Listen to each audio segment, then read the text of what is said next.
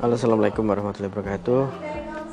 Eh, teman-teman sorry ini pertama kalinya gue ngepodcast ya. Jadi gue sebenarnya nervous banget sih.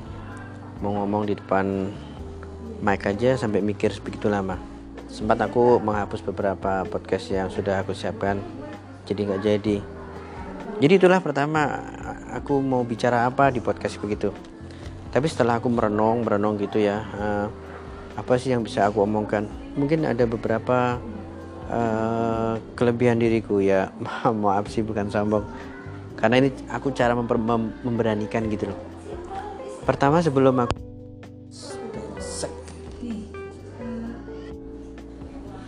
baik aku lanjut ya. Tadi sempat terputus sih karena kabelnya tadi ketarik ya begitulah sih kalau mau nervous persiapan pertama juga bingung aku cuma modal HP kemudian recordnya pakai mic clips kemudian aku coba untuk mendengar kembali pakai headset aja. Tapi aku bantu pakai splitter. Nah ini kemungkinan aku belajar bicara di depan um, mic atau clip on. Dan tadi aku bicara masalah betapa aku nervous ketika aku mau bicara apa. Tapi tentunya sih orang mau mendengarkan sesuatu itu kan butuh value ya butuh uh, apa itu hal yang sepantasnya dan mungkin itu dijadikan sebagai inspirasi untuk uh, dilakukan. Uh, mungkin topik yang aku bicarakan itu bukan sebuah tips cara membuat sesuatu atau kayak di youtubers itu atau outbox itu ya bukan. Tapi ini ada sebuah pengalaman pribadi aku sendiri. Jadi uh, usia manusia memang berbeda-beda ada yang sudah mencapai kepala 4 kepala 3 kepala 2 jadi kalau aku pribadi sudah sampai kepala 4 jadi dalam posisi seperti ini uh, mungkin teman-teman yang dengerin podcast aku di usia 40 sebenarnya di usia di mana orang uh, sudah dalam bentuk filter saringan. Artinya dari sisi physical appearance itu muda enggak tua juga belum. Tapi yang membuat orang berpikir mindsetnya berbeda bukan masalah umur kalau menurut aku sih. Cara berpikir mindset itulah yang harus diubah. Boleh merasa tua tapi bukan ketuaan. Hmm, maksudku begini loh. Jadi yang membuat orang itu uh, kualitas hidupnya berbeda itu ditentukan di usia 40 bagaimana bisa seperti itu? Menurutku sih secara fisik ketika orang masih mencapai usia 40 dalam keadaan kesehatan prima maka 10 tahun atau 15 tahun sebelumnya uh, orang tersebut mampu menjaga kesehatan pola hidupnya dengan baik. Misalkan kolesterol atau penyakit asam urat itu aja belum ada yang timbul. Nah di samping itu orang di usia seperti itu sebenarnya bilang sih orang matang ya. Tapi dalam matang seperti apa? Uh, sebenarnya yang membuat kotak-kotak mindset orang itu menjadi down itu orang berpikir bahwa usia 40 adalah usia yang harus mempunyai uh, aset banyak usia yang harus produktif banget. Tapi pada kenyataan ada orang yang di usia seperti itu masih bertahan untuk hidup. Dan itu seperti aku juga kenyataannya uh, oh, uh, usia aku adalah usia dalam arti aset juga tidak bertumbuh banyak saya mengatakan aset itu karena uh, kekayaan itu kan tidak bisa dilihat dari sebuah harta bendanya sebanyak apa. Karena yang pernah aku dengar bahkan aku sudah baca sih kalau masih ingat judulnya di bukunya Robert Kiyosaki sebenarnya aset itu adalah seberapa besar uh, seseorang mampu menabung atau men-saving asetnya atau uang bukan cara seberapa besar dia mempunyai sesuatu. Mungkin orang bisa punya rumah atau punya mobil tapi semua asetnya itu dalam bentuk piutang atau kredit pada bank atau uh, berutang pada yang lain. Nah di sisi itu di di di, di pola seperti itu uh, secara pribadi sendiri aku harus meluruskan jadi yang paling bahaya adalah ketika aku ini terpengaruh dengan eh, dasar-dasar uh, asumsi umum di masyarakat yang menurutku uh, tidak ada patokannya. contoh hmm, kamu kerja aja daripada kamu menjadi pedagang atau pengusaha itu berat loh nah hal seperti itu yang membuat aku berbeda adalah ketika aku membaca bukunya Robert Kiyosaki ya jujur aja sih aku sebenarnya bukan pembaca yang telaten. Aku juga masih belajar membaca. Karena aku sadar membaca itu sebenarnya kalau dirunut-runut asik ya. Uh, di buku Robert Kiyosaki di sana itu ada empat bagian orang dalam mendapatkan aset. Empat bagian itu dibagi menjadi uh, dua sebelah kiri dan dua sebelah kanan. Sebelah kiri paling atas di situ tertulis yang namanya employee.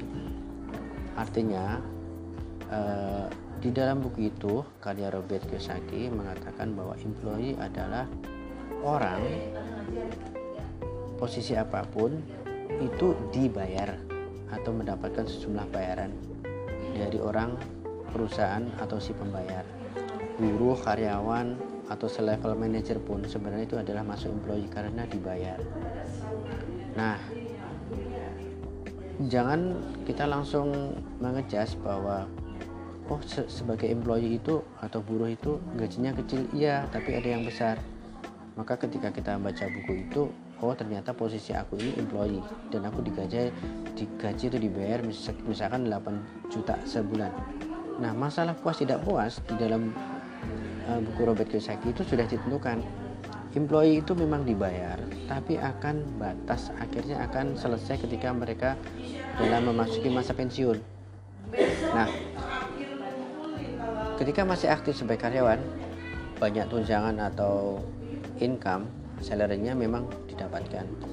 Dari situ orang mulai sadar apakah dia mulai membuat saving atau hmm, mempersiapkan pensiun ketika mereka pensiun dengan sejumlah aset modal untuk membuka usaha baru atau bagaimana. Nah di sebelah kiri atas di bawahnya tertulis uh, eh, self employee nah self employee itu artinya adalah orang yang mempunyai skill atau keahlian atau kemampuan dan dia mampu untuk e, mendapatkan uang tapi ditungguin sendiri contoh paling mudah misalkan seorang tukang cukur seorang tukang cukur mampu mendapatkan uang dalam semalam sekitar 400 sampai 450 ribu karena dia mempunyai customer pelanggan banyak. Bahkan setiap malamnya orang rela antri untuk mendapatkan gaya atau potongan rambut dari si tukang potong rambut tersebut. Karena dia tidak mau dipotong oleh tukang uh, potong rambut yang lain. Nah, ketika si tukang cukur itu misalkan dalam bayangkan buka dalam seminggu aja berapa namun pada suatu hari si tukang cukur itu mengalami uh, masalah dia sakit sakitnya sih nggak berat sakit flu atau sakit sehingga dia tidak bisa uh, buka potong rambut sehingga dia harus istirahat tiga hari bahkan sampai seminggu banyak customer yang datang kecewa karena masih tutup. Nah di situ kelemahannya adalah self employee itu ketika ditunggui sendiri atau dengan ditangani sendiri oleh uh, orang yang menghadap melakukan self employee tersebut kelemahannya ketika mereka tutup. Mereka tutup tidak ada income dokter praktek juga sama sebagai contoh. Mereka praktek di rumah si dokter tersebut mendapatkan sebuah income. Namun ketika dia keluar dari eh, maaf ketika dia itu uh, mengalami suatu hal misalkan tutup atau mengalami keperluan yang mendadak sehingga beberapa hari tidak bisa buka praktek maka income-nya uh, tidak ada setelah dari kuadran kiri ke atas tadi employee di bawahnya adalah self employee maka posisi sebelah kanan atas di situ tertulis bisnis di bawahnya adalah uh, oke okay, teman-teman aku lanjut lagi. Tadi sempat terputus karena ada teman ini datang. Dia nggak tahu kalau aku lagi nge-podcast. Ya uh, jadi masih bicara masalah pengalaman pribadi hal yang sekarang sering membuat aku terpikirkan kebiasaan uh, jujur aja usia-usiaku ini sebenarnya ketika orang bertransisi memasuki usia yang lebih matang lagi maka lingkunganlah yang membentuk. Uh, aku menyadari betul bahwa di lingkungan itu akan 80% mempengaruhi pola hidup seseorang, pola pemikiran seseorang. Uh, bicara flashback ketika aku pertama kali, hmm, sementara kalau teman-teman mau tahu sih, aku sekarang lagi di hmm, apa ya hmm, rumah pendidikan, jadi sebagai lecture, kemudian sebagai ngajar lah. Tapi flashback ke belakang kenapa aku jadi pengajar? Dulu sebenarnya secara pribadi saya tidak mempunyai eh, cita-cita uh, atau keinginan menjadi seorang pengajar sebutlah guru. Bahkan waktu itu saya tidak mempunyai gambaran apa pun. Ketika saya pikir kembali karena lingkungan dari keluarga saya tidak ada background seperti itu. Namun ada sesuatu dari kecil ketika aku ini belajar aku sebenarnya orangnya tidak pintar. Uh, kalau pelajaran dari SD yang aku suka sebenarnya pelajaran hafalan. Karena dari itu aku pelajaran matematika itu nggak begitu banyak bisa ya hitung-hitungan lemah lah ya.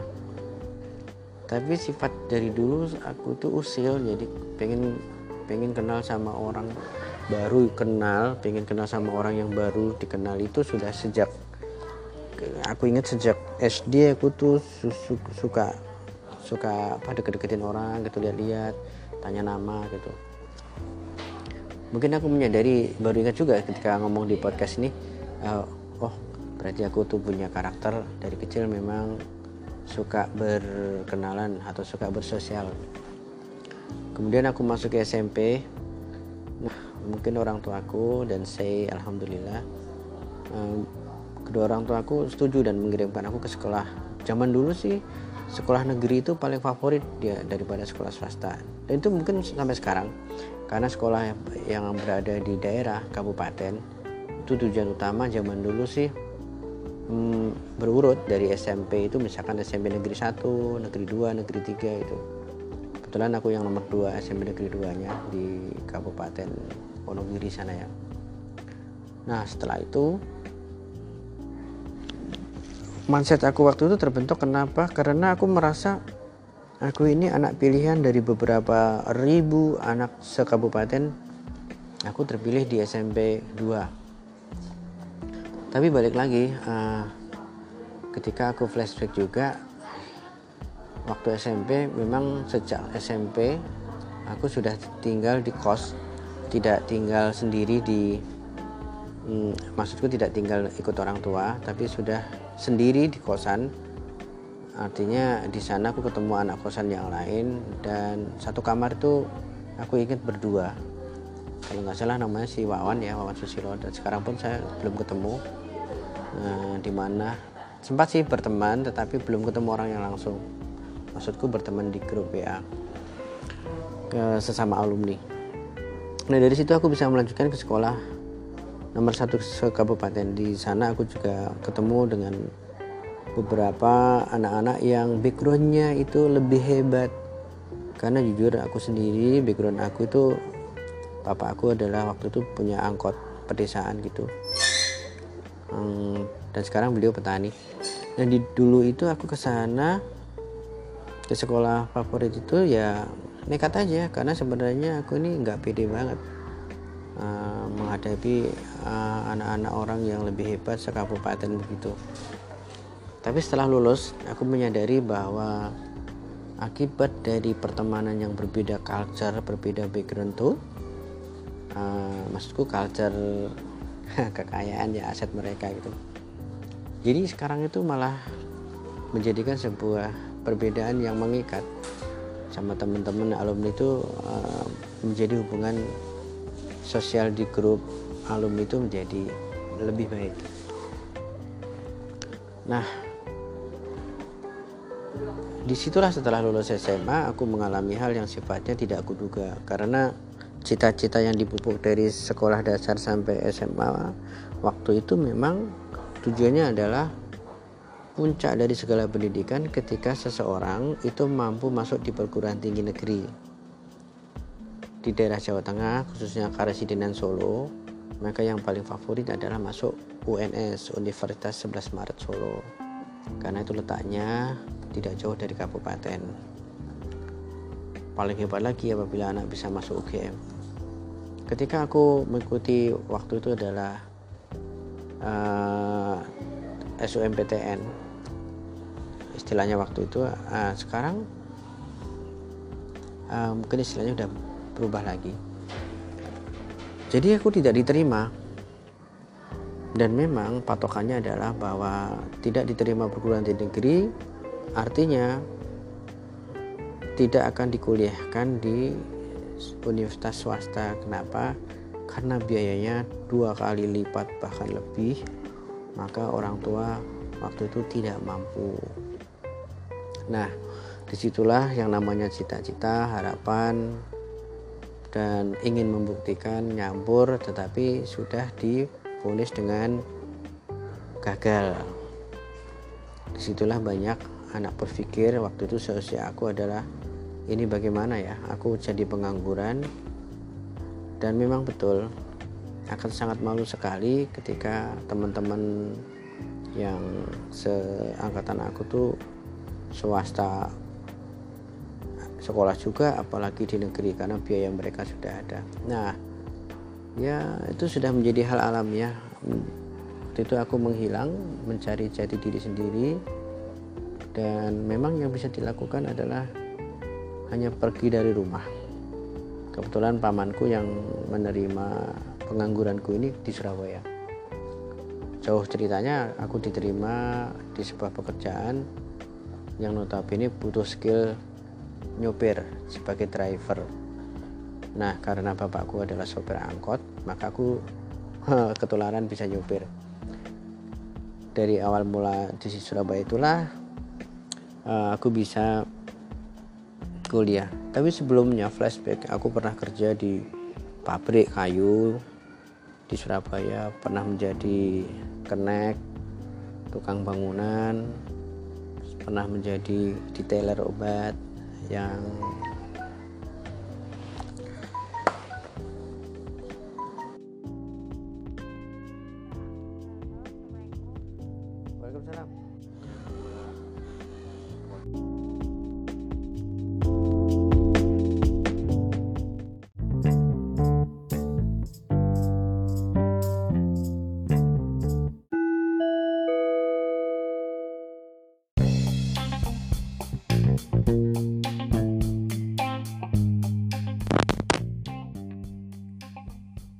Assalamualaikum warahmatullahi wabarakatuh. Selamat pagi teman-teman, di mana saja berada. Uh, semoga kalian dalam keadaan sehat-sehat saja. Ya di pagi ini uh, aku mau mereview sebuah buku. Mungkin teman-teman sudah baca. Tapi sorry ya ini suaranya berisik karena di depan ada orang jualan es krim kali ya. Oke teman-teman aku lanjutin dulu ya. Ya ini sebuah buku warna hijau bertuliskan Ultimate Selling. Buah karya Debbie Natalaya. Keren banget nih buku ya. Buku ini uh, simple, kertasnya pun tidak putih, malah coklat itu. Diterbitkan oleh PT Gramedia Pustaka Utama Jalan Palmerah Barat 20 berapa ini ya? Mata agak siwer ya. Ya, Jalan Palmerah Barat 2937 Jakarta. Oke. Ya.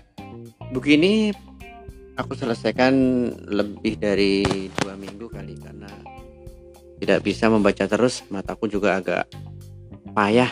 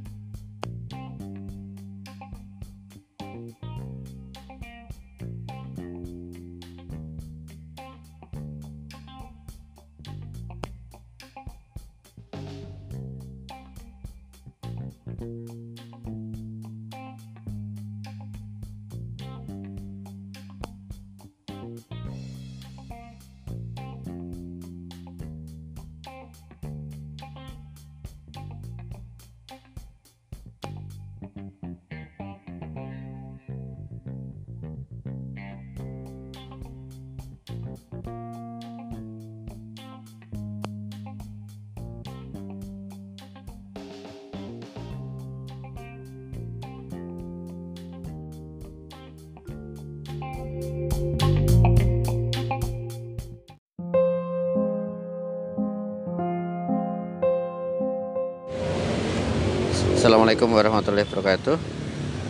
Piye kabare sedulur kabeh? Ana posket basa Jawa iki aku pengen curhat. ya aslinya ya curhat bareng-bareng dudu curhatku dhewe. Iki fenomena tentang Pak D Didi Kempot sing ngajak Arda nyanyi bareng aku terus terang sapa wae sing ngerti keadaan kaya ngono kuwi aku malah salut karo Pak Didi Kempot ki ya. Saya umur nambah ketok nek upama Jawa niki apa kaya pari nek wis kuning tambah dingklo artine ana bobot. Ya bobot nek bobot materi ini aku ora iso ngomong meneh wis wayahe duwe rezeki sing apik. Cuma kuwi nek basa kerene sing basa kulon hambele kuwi lho. Artine hambele kuwi ya kerendahan hati iso ndelok lingkungan sopo sing so disentuh. Memang ada dua sisi. Enek loro sisi pertama yo itu menjadi simpati positif jadi ini simpati positif. Bahasa aku ya tak campur wae. Wong aku yo posisiku rene Jawa tengah iki rene Jawa bagian mentok kulon dhewe. Tak baleni meneh menimbulkan simpati. Kemudian Pak Didi di Kempot juga mengambil anak ini tidak sembarang maksudnya dia bukan karena Wilo karena cycle defect atau karena berkebutuhan khusus itu tidak hanya itu. E, pertama dia tersentuh oleh suaranya. Nah artinya seni ini dice baru nyedai bocah kuwi. Aku pikir Pak Didi Kempot juga tidak tidak ora asal jupuk ki ora. Mergo nek ngono ya pertama aku dhewe mesakne bocahe nomor loro ya eh ora make sense lah ora masuk di Pak Didi justru saiki karo Pak Didi kempot aku rada eh piye ya seniman sing betul-betul seni. Aku krungu saka uh, kuwi Mas Deddy Kobuser ngomong apa bedanya artis aro selebriti? Kuwi betul-betul waktu tak rungokne padahal aku jarang delok podcast DE lho. Jadi seni artis itu adalah orang yang betul-betul sentuhannya itu different. Beda ambil liane kaya nek Mas Didi sorry Mas Deddy Kobuser kan kayak seorang ilusionis ya. Jadi terkenal malah sono prestasi ini juara sisi waktu neng Amerika.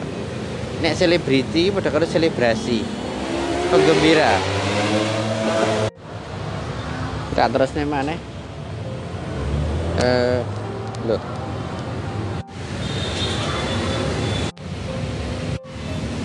Kita terus nih mana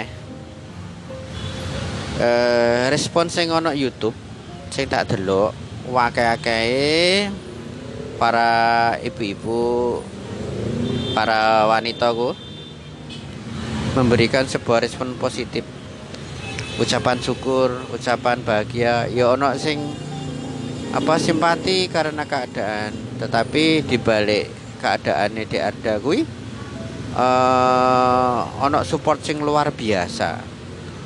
Ono harapan luar biasa. Bahkan neng tertulis muka-muka ono dokter sing peduli delok YouTube iki. Nah ucapan-ucapan kui memang betul-betul sehat untuk dibaca. Yo karena tidak semua orang seluruh YouTube kui so uh, dipaksa orang harus positif thinking atau memberikan respon positif yo. Tapi tak delok-delok hampir kabeh kui positif responnya. Nah, neng kono kuwi aku ya dadine apa ya trenyo.